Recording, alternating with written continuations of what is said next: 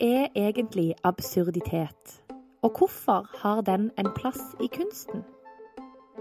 Er det norske kunstpublikummet konservativt eller undervurdert? Og hva er egentlig meningen med livet? Du hører på Nationaltheatrets podkast Teaterprogrammet. Og i denne episoden får du høre liveopptak fra en av teatrets salonger. Denne salongen ble avholdt i forbindelse med to forestillinger som er på teatrets repertoar vinteren 2020. Nemlig Vibeke Tandbergs 'Hunder' og Samuel Beckets 'Lykkedager'.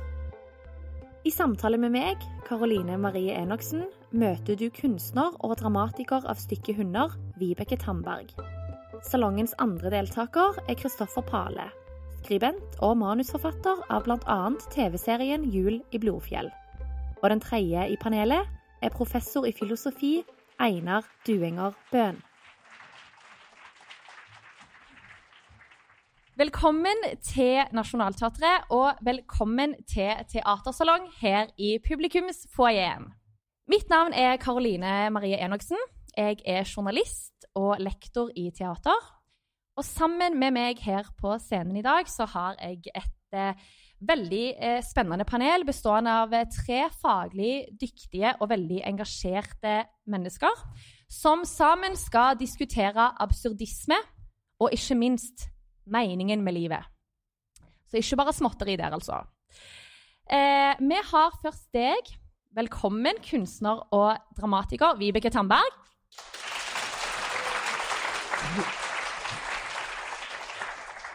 Og så har vi manusforfatter, regissør og skribent Kristoffer Pale.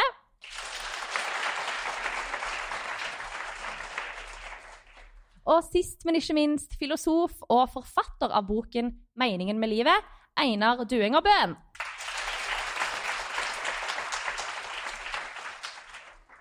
Før vi setter ordentlig i gang, så skal dere få litt informasjon om disse stykkene her. Eh, I Lykkedager så møter vi en karakter som heter Vinni. Og hun sitter i en sandhaug som bare blir større og større. Der sitter hun og snakker med ektemannen sin eh, Willy, som svarer av og til, og som hun i det lengste håper at hører etter på det hun sier.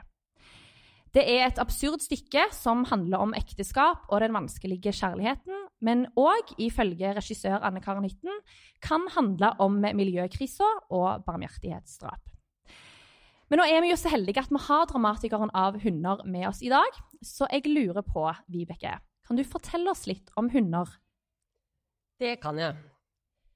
Um, hunder er Det er mitt første stykke. Mitt første, um, um, min første teatertekst. Og den er en dramatisering av min andre roman, som jeg skrev i 2014. Og i Hunder så møter vi et par. Uh, kvinnen heter Kam, og mannen heter Mack. Og de befinner seg i noe som er en hage, som noen ganger blir til et fly. Um, og noen ganger er det innsiden av et hus hvor truslene lurer på utsiden i form av lyder osv. osv. Alt dette her uh, er uh, uh, omgivelsene for et sentrum som ikke er synlig i stykket, og det er et barn. Dette barnet snakker de om som noe som sitter under et tre. Kam insisterer på at det er en den. Mack insisterer på at det er hun, et lite pikebarn. Um, de er uenige om hva det barnet skal hete. De er uenige om uh, det meste hva det barnet angår. Uh, og i løpet av en trefelling i stykket så er det vel ganske uklart om det barnet har overlevd fordi det har sittet under det treet. Og i løpet av stykket så er det også tilbakevendende snakk om dette flyet de er i, hvor også barnet ble unnfanget uh, på. Eh, og dette flyet eh, styrter til slutt. Men det som er, dette er den ytre handlingen. Og jeg er eh, eh Når jeg prøver å fortelle det så enkelt og så klart som dette her, er det at, eh, så er det fordi at eh, dette stykket er skrevet i, er det vi skal diskutere her i dag, absurd. Og det er jo mange måte, definisjoner av absurd, og det kommer vi til å få vite mer av eh, om her. Men eh, for min del så handler det å skrive i en absurd form eh, om å skrive i et kollaps av tid og rom. Det betyr at ingenting skjer før noe annet. Eh, alt skjer på likt. Så det å, skrive, eh, å beskrive dette stykket er å beskrive en situasjon og en stemning eh, mye mer enn å beskrive en serie handlinger som foregår i kronologisk rekkefølge. Einar og Kristoffer, dere har jo begge sett denne forestillingen. Har dere noe dere har lyst til å si i forbindelse med den tematikken vi skal snakke om i dag? Uh, det er ikke utrolig at det er, eller Jeg syns det er et veldig godt eksempel på uh, absurd uh, teater, og også litt sånne ting Eller det er veldig gøy at du sier det med tid og rom, det skal jeg snakke litt om etterpå. Ja, altså, jeg, jeg likte det veldig godt, men det er tre ting jeg tenker går igjen der. det tid og rom er jo Interessant nok ikke det jeg satt og tenkte på uh, når jeg var der. Jeg tenkte liksom at det hoppa litt sånn naturlig, bare sånn fortellerstruktur i tid og rom. Men uh, jeg tenkte mer på dette med tre sånne gjengangere, er jo at alt er forgjengelig. Uh, og alt er ganske tilfeldig. og det vi snakker om hele tiden, er egentlig det som ikke er det viktigste. Det var de tre tinga som slo meg på stykket. slik at det er noe sånn Vi er aldri der hvor vi egentlig burde og ønsker å være. Uh, og det er klart det er noe absurd i det når det pågår hele tiden, og vi innser det. Så det kan vi snakke mer om etterpå. Men det var litt sånn jeg tenker på absurditet, i hvert fall. Mm. Og apropos det, eh, så skal vi skal snakke litt om absurdisme i kunsten. Eh, og Vibeke, du har sagt at det er ingenting av det du gjør som ikke kan knyttes opp mot absurdisme. Og jeg blir nysgjerrig da. Hvorfor er dette en form som tiltrekker deg? Altså, for meg så er kunsten eh, absurd i utgangspunktet og per se. Altså, det, vi trenger ikke kunst for å overleve på noen som helst slags måte. Og eh, eh, det å tillegge kunsten en funksjon, en, en, en, et innhold, eh, mening um, En sånn slags uh, forbedring eller en sånn helende, legende funksjon er jo noe publikum gjør. I utgangspunktet så er kunsten meningsløs, intensjonsløs og overflødig i samfunnet. Så for meg så henger det eh, rett og slett helt sammen å bruke en, et formspråk som ikke tillegger kunst mening utover det en betrakter eller et publikum ville ha gjort. Det, det faller meg rett og slett umulig å skulle lage kunst som sier noe viktig om noe jeg syns er viktig. Da ville jeg brukt helt andre forum. Eh, da ville jeg skrevet en artikkel eller uh, en megafon og ropt det utover et torg, eller I don't know. Men jeg ville i hvert fall ikke lagd kunst av det, tror jeg. Eller for meg så er kunst en prosess for å finne ut av ting, ikke for å komme med svar. Jeg skjønner. Eh, vi skal rydde litt i begreper her, fordi vi kommer til å snakke mye om absurdisme eller absurditet og mening og meningsløshet. Eh, og jeg vet at du Einar, er veldig opptatt av å skille mellom disse begrepene. Kan du liksom hjelpe oss litt å navigere her? Ja, gjerne. Uh, jeg er liksom den kjedelige som skal liksom, ta begrepsbruken her. Nå kommer akademikeren, dere. jeg tror det er veldig viktig. altså Disse begrepene brukes veldig som Vibeke sa, om hverandre. Og, og, språket er veldig dynamisk, så vi bruker det ofte veldig forskjellig. Men hvis du ser litt sånn eh, ordentlig på hvor det kommer fra, og kjernebetydningen av disse begrepene, så er absurditet kommer jo opprinnelig av disharmoni. Altså Det er noe med at det er essensielt disharmonisk. Det er ikke i samklang. Mens det motsatte er at det er harmoni, at det er i samklang. Så det kommer fra gamle greske og latinske begreper som handla om harmoni og disharmoni. Eh, så det er det det opprinnelig kommer av. Så når, hvis vi tenker i de baner, så er noe absurd det er en slags disharmoni mellom to ting. Slik at f.eks. en god vits er jo nettopp slik at du forteller noe, og så skaper det forventninger, og så kommer det en punchline som er en krasj med de forventningene, og da ler du. Det er liksom punchline i en god vits. Og det interessante er at akkurat det samme skjer i en tragedie. Så du har et barn, så kjører du bilen ned veien, og så krasjer du, og så dør barnet.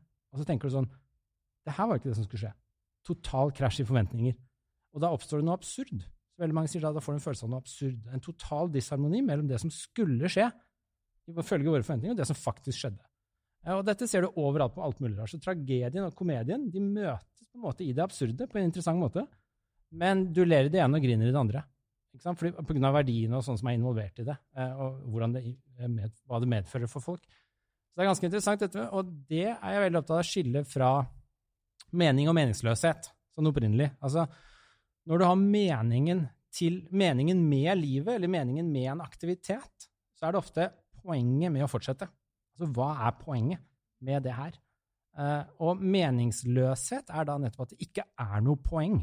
Så det meningsløse er en type aktivitet som ikke leder til noen ting, som ikke har noe poeng. Du bare fortsetter, og så oppleves det veldig som sånn Hvorfor skal vi gjøre det her? Hva er poenget? Det mangler et poeng. Og da kan vi lett se at det er forskjellige, fire forskjellige begreper. da. Altså fordi det kan være en, en meningsløshet uten at det er noe absurd. Akkurat som en stein bare ligger der, det er helt uten noe poeng. Og så er det ikke noe absurd, det er ikke noe disharmoni. Så det meningsløse medfører ikke automatisk noe absurd. Det kan faktisk, Nå skal ikke jeg drive med for mye begrepssjonglering her, men det kan også være faktisk slik at du kan se for deg et scenario hvor du har noe absurd, selv om det er meningsfullt. Alle disse fire mulighetene kan du leke deg frem til med tankeeksperimenter. Men som sagt, språket brukes jo veldig forskjellig, så veldig ofte i folkelig tale, altså vanlig det som, hva heter det, colloquial speech, så er det veldig ofte at man bare sier Det er jo absurd, sier man, om noe som bare er veldig rart eller noe som bare ikke har noe poeng, eller du gjør noe, så er det helt meningsløst. Dette er jo helt absurd. Hvorfor skal jeg gjøre det her? Vi snakker sånn, ikke sant? Så det brukes veldig forskjellig, som sagt, og veldig dynamisk bruk. Men det er det som liksom er kjernen i disse begrepene. Harmoni og disharmoni. Og ha et poeng versus ikke ha et poeng. Eh, og de kutter på tvers, da. Veldig mye mer å si. altså jeg Skulle holdt på en time til? Jeg... Da, da, må jeg stoppe deg. Men jeg tenker dette her med at ting må ha et poeng, og, og det med forventninger og sånn. Um, fordi at uh, Vibeke, jeg har gjort min research på deg, og du sier at du ikke tenker narrativ eller mening, eller at ting skal gå opp i en høyere enhet nødvendigvis når du skriver, uh, og at form er et premiss for innholdet. Uh, men du har jo nå vært privilegert med at du har skrevet et teaterstykke. Jeg tenker, Kristoffer, du skriver jo for TV, ikke sant? Og vil du si at det er hva skal jeg si, andre regler som råder her, enn f.eks. på et hus som dette? Det, det, nå har ikke jeg skrevet teaterstykker, og sånn, men det, jeg har jo inntrykk av at det er det. Og at um, ikke minst en del sånne økonomiske ting. Vi uh, som kommer da fra TV er jo kanskje den mest, uh, mest sånn, um, kommersielle delen av kunst- og kulturfeltet som man får. Vi er så prisgitt seertall, og det er så lett å skru av uh, og bytte kanal hvis man ikke er interessert, eller hvis det liksom ikke fenger eller det virker, er noe som dissonerer, da. Og det eh, gjør jo at man eh, må Jeg er veldig, veldig med på det du sier om kunst og det meningsløse. Jeg kommer på en måte fra den motsatte siden, hvor vi er nødt til å um, Lage mening. Ja, lage en mening der. Altså, og også kanskje For jeg tenkte, jeg tenkte, på det da du definerte kunst uh, ja, Man kan jo på en måte definere livet sånn også. At det er noe meningsløst i det, og da kan man eh, definere kun, ikke nødvendigvis kunst, men historiefortelling, da, som jeg kanskje liker bedre å si at det er det jeg holder på med, eh, som en måte å lage orden i den meningsløsheten på. Lage, helt fra da Aristoteles så lager man jo eh, man, bygger, man lager årsakssammenhenger. Det er det som er definisjonen på drama, omtrent. At dette skjer fordi dette skjer, og så skjer det noe mer. Uh, og ofte så er jo da livet har ikke disse enkle årsakssammenhengene som vi ser igjen i, i drama eller i uh, egentlig alle, Jeg tror bare hele hodet vårt er skrudd sammen til å lage orden ut av det kaoset som er livet.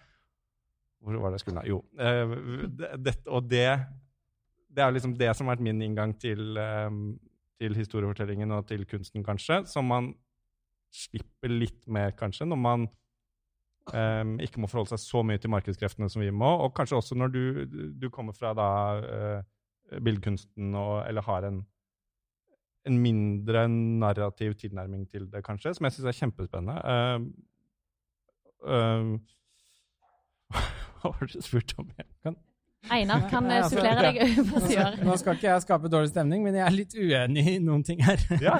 uh, altså, fordi uh, uh, Jeg tenker på kunst som er veldig viktig at også ikke bare er absurd. Altså, jeg liker absurd kunst, men jeg liker også veldig godt f.eks. en skikkelig god klassisk fortelling, hvor du kan leve deg inn og forstå sammenhengene og virkelig liksom identifisere deg med personen og se Ja, Fordi du har et veldig fattig kunstsyn. Så det er jo det tradisjonelle kunstsynet, og det er jeg også veldig eh, fan av. altså I tillegg til litt sånn absurdisme, sånn som Dali og i malerkunstene, og litt sånne ting som bare på en måte krasjer med alt det. Så liker jeg begge deler. Jeg vil ikke utelukkende si at kunst skal være det ene av de to. Det syns jeg er litt eh, stusslig, for jeg tror vi er veldig opptatt av mennesker. da. Vi er veldig opptatt av nettopp å skape en fortelling eh, og ha eh, noe å forholde oss til. Hvis vi da alt skal være absurd, så klarer vi ikke rett og slett å, å identifisere oss. Vi klarer ikke å få noe uh, mening og, og poeng ut av det vi driver med. da. Og dette tror jeg er noe, hvis vi skal bare si kjapt, forlov, altså dette er noe med det med Albert Camus, som har skrevet denne myten om Sisyfus. Ja, den tror jeg du må forklare ja, så Myten om Sisyfus det er en gammel gresk mytologi hvor Sisyfus han var så glad i livet at han ville ikke dø. Og så Da kom gudene for å hente han når han skulle dø. Hans tid var over på jorden. Så ble han litt sånn stressa og lurte gudene til å bli på jorda. Eh, og Så henta inn til slutt opp, så klarte han å lure seg ned en liten tur. og så Til slutt så gikk gudene lei. Så dømte han til denne evige tilværelsen av en steinrulling. Så han måtte rulle en stein opp en bakke bare for å se den rulle ned igjen. Og så måtte han rulle den opp igjen bare for å se den rulle ned igjen i all evighet. Det var straffen. Eh, Det var han dømt til den skjebnen. Og det brukes ofte som en illustrasjon på noe meningsløst. ikke sant? Altså denne steinrullingen, denne skjebnen, at du bare ruller en stein opp for å se den rulle ned igjen, det leder ikke til noe, det har ikke noe poeng, det er helt meningsløst. Det ser man ofte på, det er der Sisyfus-arbeid kommer fra, eksempel, dette meningsløse arbeidet. Og Albert Camus var veldig opptatt av at når, når vi opplever livet som absurd, da, så er det nettopp det at vi ser at livet vårt er litt sånn som Sisyfus-livet. Vi ser at ingenting egentlig leder til noe til syvende og sist. Vi dør alle. eh, Og universet til slutt kollapser, og alt bare skal slutte. Alt er forgjengelig, sånn som eh, du beskriver veldig godt i stykket ditt. Og så ser vi at livet ikke har noe verdi, ifølge Camus. Vi ser at det er egentlig ikke noe verdi. Men problemet er at vi klarer ikke å leve som om alt har ingen verdi. Vi klarer ikke å leve som om det er slik at ingenting betyr noe. Så vi lever essensielt som om noe er mer verdt enn noe annet. Så klarer vi ikke å stå opp om morgenen. Vi må foretrekke å kle på oss, vi må foretrekke å reise oss, vi må foretrekke noe fremfor noe annet, ellers så klarer vi ikke å leve. Og når du da kombinerer den måten å være på, som vi bare er dømt til å ha, med erkjennelsen av at ingenting egentlig har noe verdi, eller har noe mening, så får du noe absurd. Da lever vi et absurd liv. Det er fort, det er som å stange huet i veggen, så innser du at det er dumt, og så fortsetter du bare, for du klarer ikke å la være. Da blir det noe komisk, noe tragikomisk over det hele. Og derfor er livet absurd for Camus. Og det er derfor jeg tror vi er essensielt slik at vi hele tiden skaper oss fortellinger. Og vi hele tiden skaper, prøver å skape mening og narrativer. Og veldig mye bra kunst er jo nettopp med på å gi oss det. Og så er den absurde kunsten veldig kul fordi den bryter med det og forteller oss et helt annet bilde. ikke sant? Så en litt sånn refresh på datamaskin. Du begynner på nytt. det er veldig eh, bra, eh, begge deler. Ja.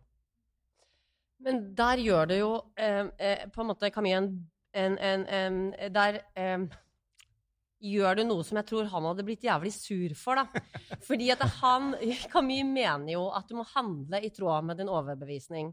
Så hvis du er overbevist om at livet er absurd, så må du også eh, leve og handle i tro med det. Og det var jo nettopp eh, kanskje eh, i spørsmålet og, skal, og, og, og i forlengelsen av det så betyr det altså at um, hvis du da tror at kunsten er uh, uh, eh, Kunstens oppgave er å gi livet mening, så gjør du det som Camus mente var falskt håp. Da gir du livet falskt håp.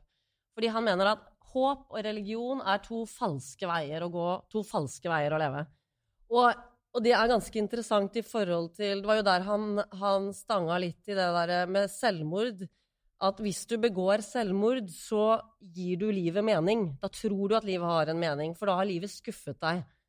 Eh, og livet, hvis du innser og lever etter det faktum at det er absurd, så kan ikke livet skuffe deg. Du kan altså ikke forsvare skuffelsen din ved å begå uh, uh, selvmord.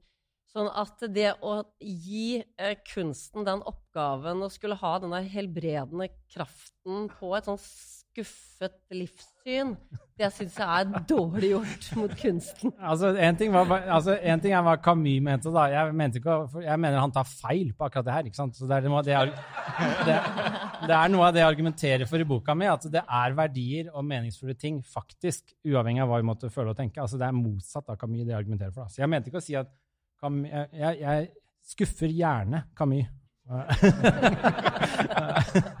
så jeg mener at kunsten for eksempel, er med på å gi et poeng, eh, og med på å gi aktivitet og fortellinger og sånn, men det er mye annet også som gjør det. Men kunsten er én av de, da. Eh, også absurd kunst faktisk er med på å gi oss et poeng, for den utfordrer oss, den forbedrer tenkeevnene våre.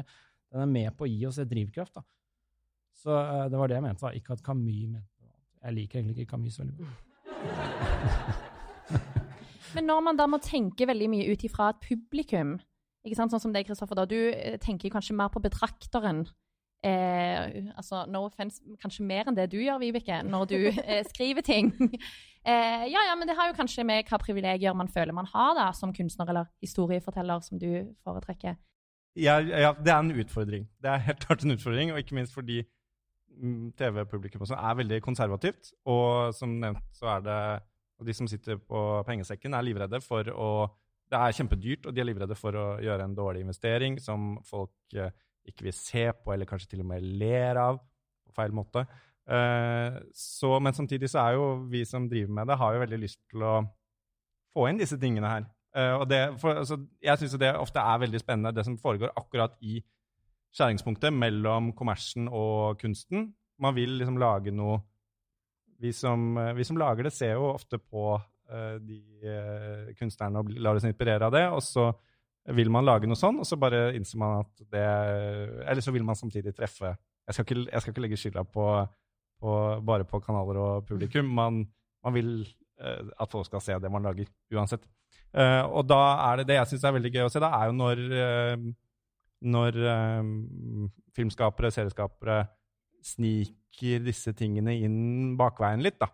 Og så er det plutselig der allikevel, selv om man Og så er man nesten lurt til å se et litt sånn smart, absurd, eh, utfordrende verk uten at man var klar over at det var det man så på. Ja. Har du noen eksempler på det? Ja, det, ja, det har du. ikke sant? Selvfølgelig har du det. Er ganske mye, det er jo uh, veldig mye oftere i humor enn altså Det er veldig mye lettere å få det inn i humor. Der er vi mye mer vant til å Der er ikke publikum så konservative. De er ganske konservative der òg, men de vi snakket om Monty Python i sted, at man, man er, øh, og det du nevnte også om, øh, om bare at humor i seg selv er noe, det er noe absurd der fordi det, det, skal skje noe uventet. Der er man mye mer med på det. Også selvfølgelig i barne-TV og sånn er det veldig mye. Uh, men også da i f.eks. science fiction, da, som er en sjanger jeg er veldig glad i, der har man muligheten til å Man kan rett og slett leke seg nok med tid og rom og reglene for universet sitt til at man plutselig kan lage altså kan man basere det i enten uh, reell vitenskap eller i ganske mye oftere noen, en sånn halvveis kvasivitenskap. Men du jo, kan du få nettopp de tingene som du har gjort da med å uh, rive rom, tid og rom i fillebiter og legge flere ting oppå hverandre. Jeg vet ikke om dere husker en TV-serie som het Lost? Veldig bra serie. Jeg, jeg, jeg, mener det. Dette er en av mine favorittserier. Vi, vi, kan ta den diskusjonen etterpå. Uh, men, uh, men, den handlet jo da om uh, På, på overflaten så var det folk som var strandet på en øde øy og prøvde å komme seg hjem. Men så begynner det å skje ganske mange mystiske ting på denne øya. Blant annet så er det da de finner en hule, en luke, som går ned til en slags sånn um, bunkers, hvor det sitter en mann. og hver 108, hvert 108. minutt så må han trykke inn en kode på en datamaskin. Hvis ikke så går jorden under. Det er det han har fått beskjed om. i hvert fall. Uh, og det bare godtar han, og så uh, må han gjøre, gjøre det. da. Så, uh, så, det er jo høres ut som meg et ganske et, Eller jeg er helt sikker på at de er inspirert av Sisyfos. Sisyfos ja. At de er inspirert av den myten der. Det som skjer, selvfølgelig er at han slutter å uh, trykker på den knappen. Da sprenger hele greia. Jorden går ikke under, men hele greia sprenger, og det blir en sånn elektromagnetisk puls eller noe sånt, som de, bru som de bruker som en unnskyldning for å uh, rett og slett løsne denne mannen fra, uh, fra tiden.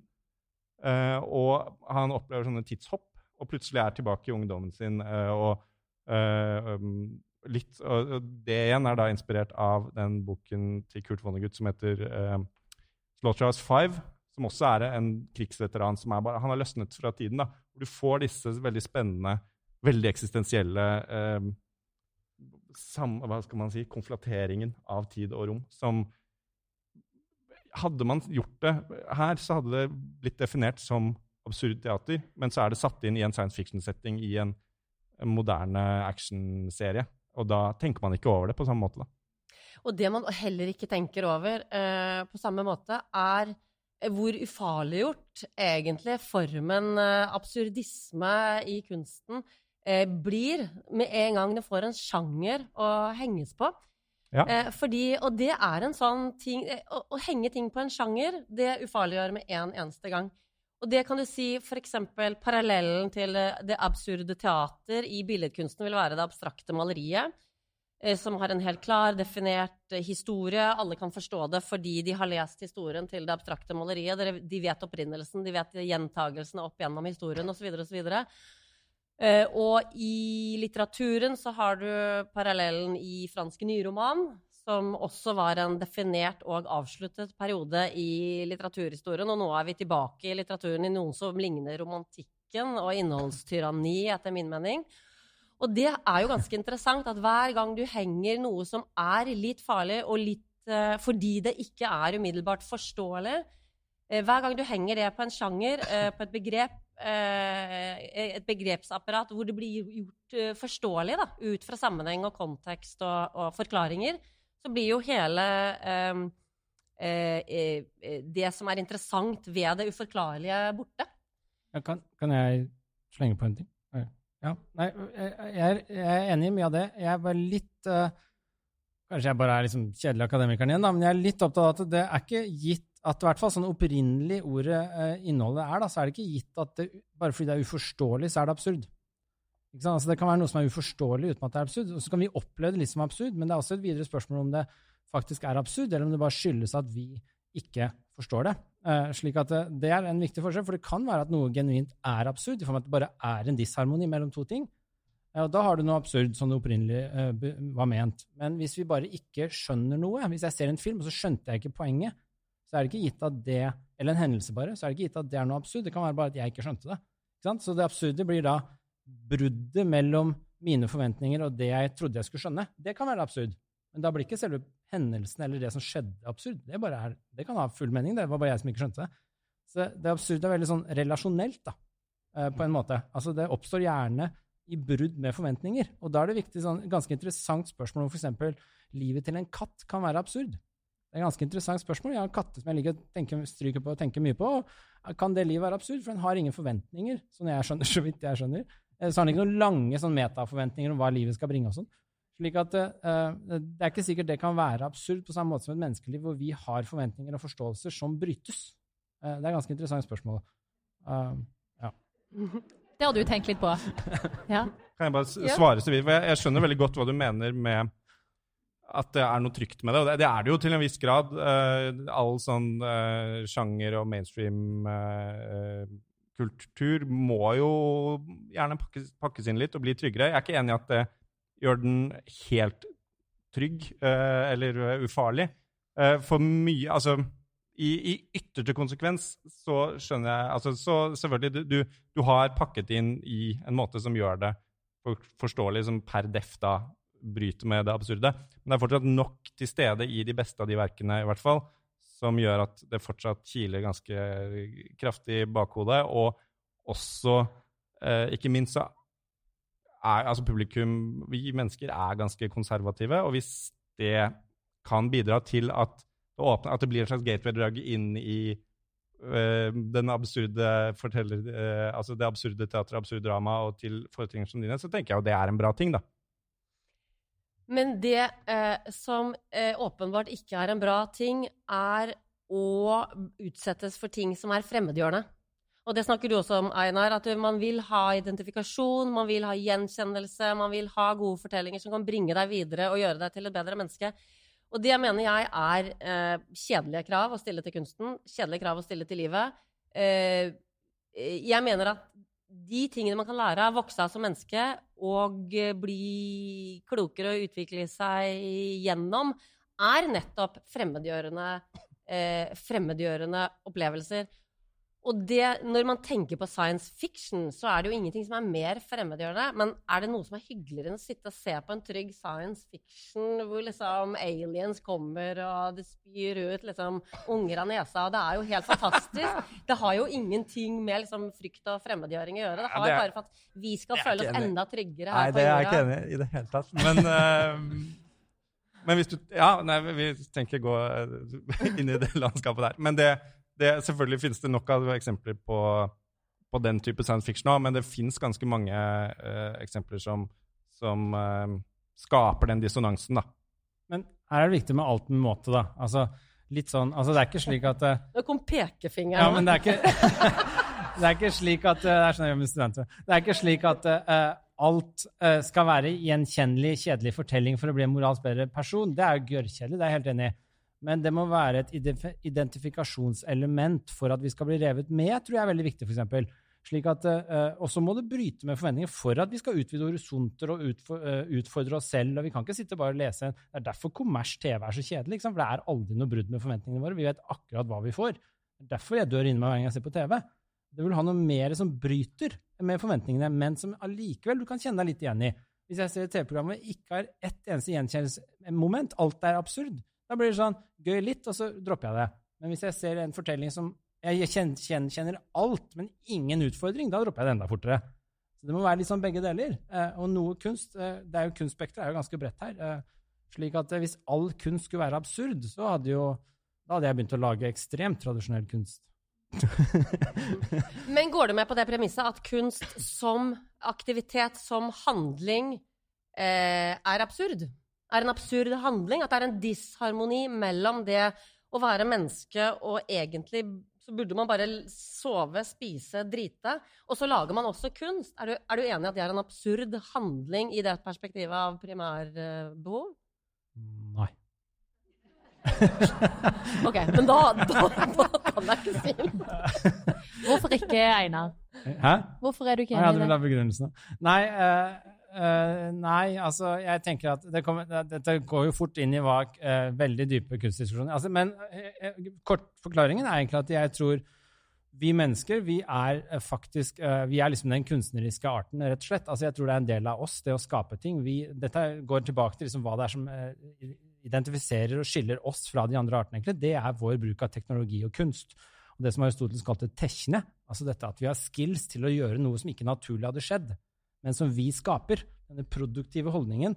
At vi har det, og har skills til å gjøre det på et helt annet nivå enn de andre artene, er noe som gjør oss til det vi er. Så jeg tror kunst er noe av det mest meningsfulle vi mennesker faktisk driver med, i tillegg til eh, eh, altså den skapende virksomheten. Da. Eh, slik at jeg tror ikke det er absurd, men altså det, igjen, jeg ser jo absurditeter overalt. Jeg kan hende jeg er helt enig med deg på mange måter, fordi alt jeg gjør, ser jeg på som ganske absurd. Hvis du begynner å tenke etter, så fremstår det ganske absurd. Det kommer litt an på perspektivet du har. da.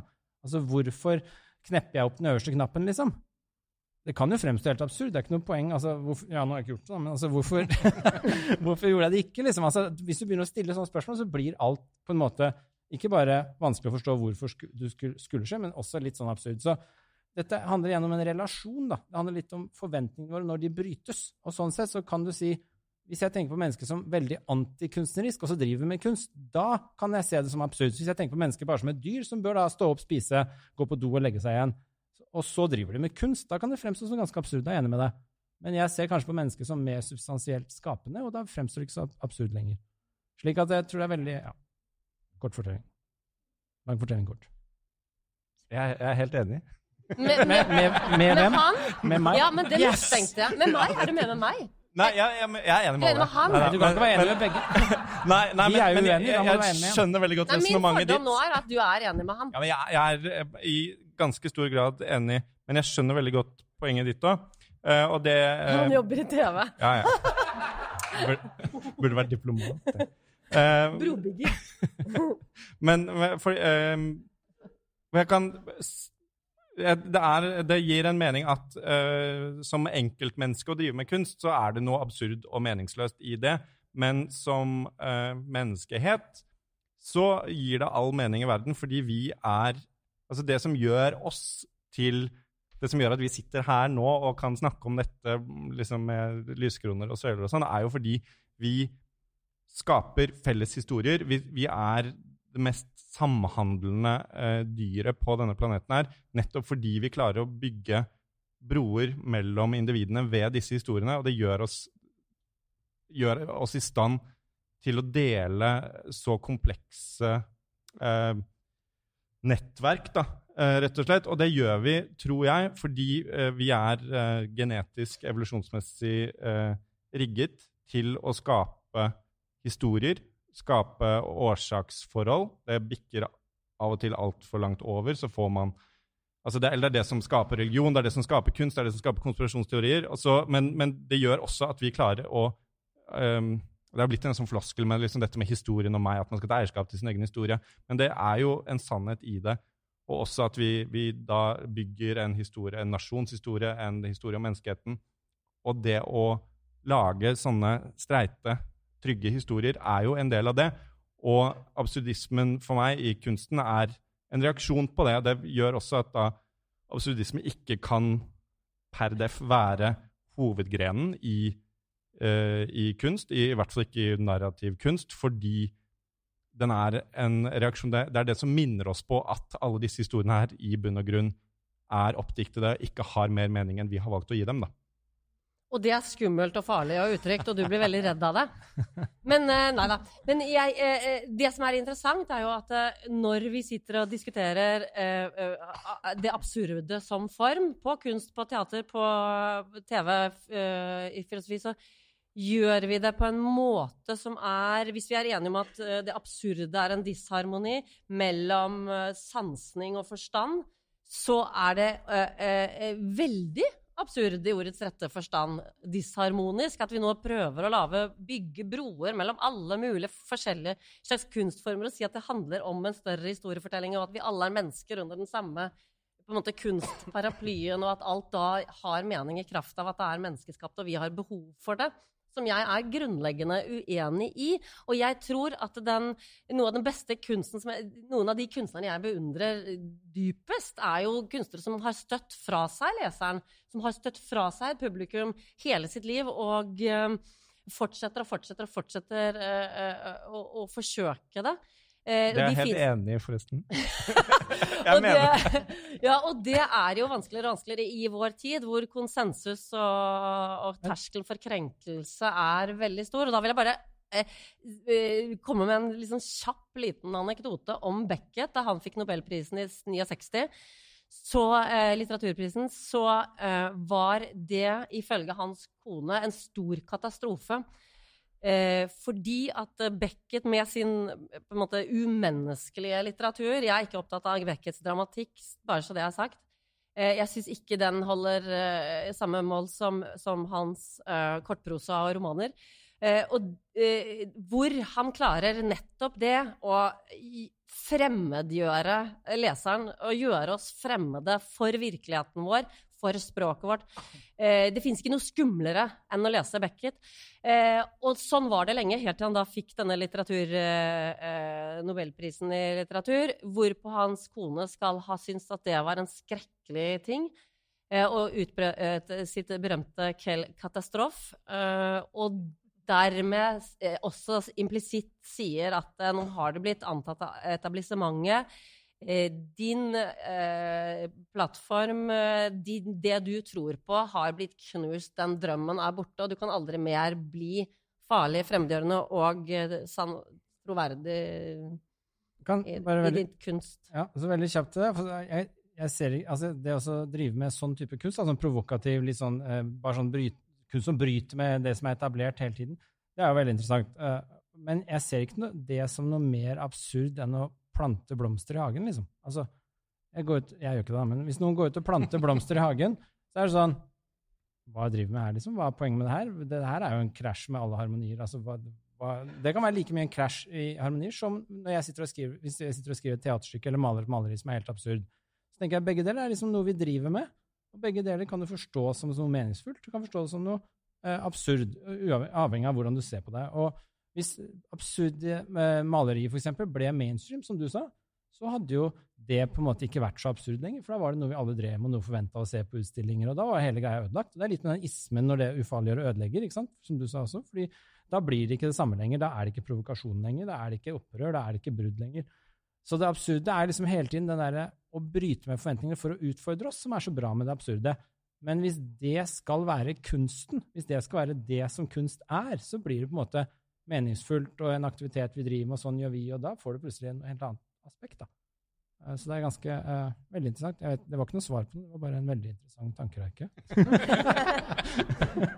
Om man kan få lov å si det selv. Eh, men men Vibeke, tenker du at vi altså, eh, undervurderer med publikum for mye? Syns du det? Jeg tror at hvis vi hadde Hvis alle eh, kunstnere eh, Jeg tror kunstnere er bedre på det enn TV-folk. og det er å, å, å bare følge sin egen overbevisning. Jeg tror at eh, den derre mm, Men nå lever vi jo i en tid ja, jeg tror vi undervurderer publikum. Eh, vi lever i en tid hvor, hvor, hvor man har 200 kanaler å velge mellom hvor man kan velge Hvor vi kan gå på Nationaltheatret og se dårlig revy. Det er jo en katastrofe. Eh, vi kan gå på liksom ni av ti gallerier, viser kunst som skal selge, ikke kunst som først og fremst er jævlig bra. Eh, vi lever i en tid hvor, hvor det er så uh, mange eh, økonomiske hensyn å ta, og kampen om publikum er så knallhard at det utvanner kunsten på alle, alle mulige uh, plattformer og alle mulige fora. Og det uh, er nitrist. Og da må det en mye større operasjon til for å få utøverne til å tenke at vi skal oppdra et publikum, og vi skal få publikum til å komme til oss, og ikke omvendt. Jeg lar det være siste ord, jeg.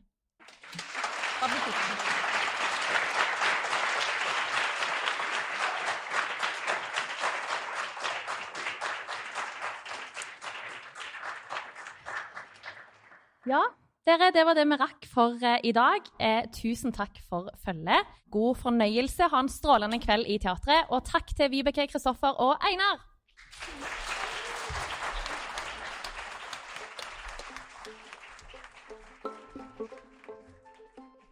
Takk for at du har hørt på dette teaterprogrammet fra Nationaltheatret.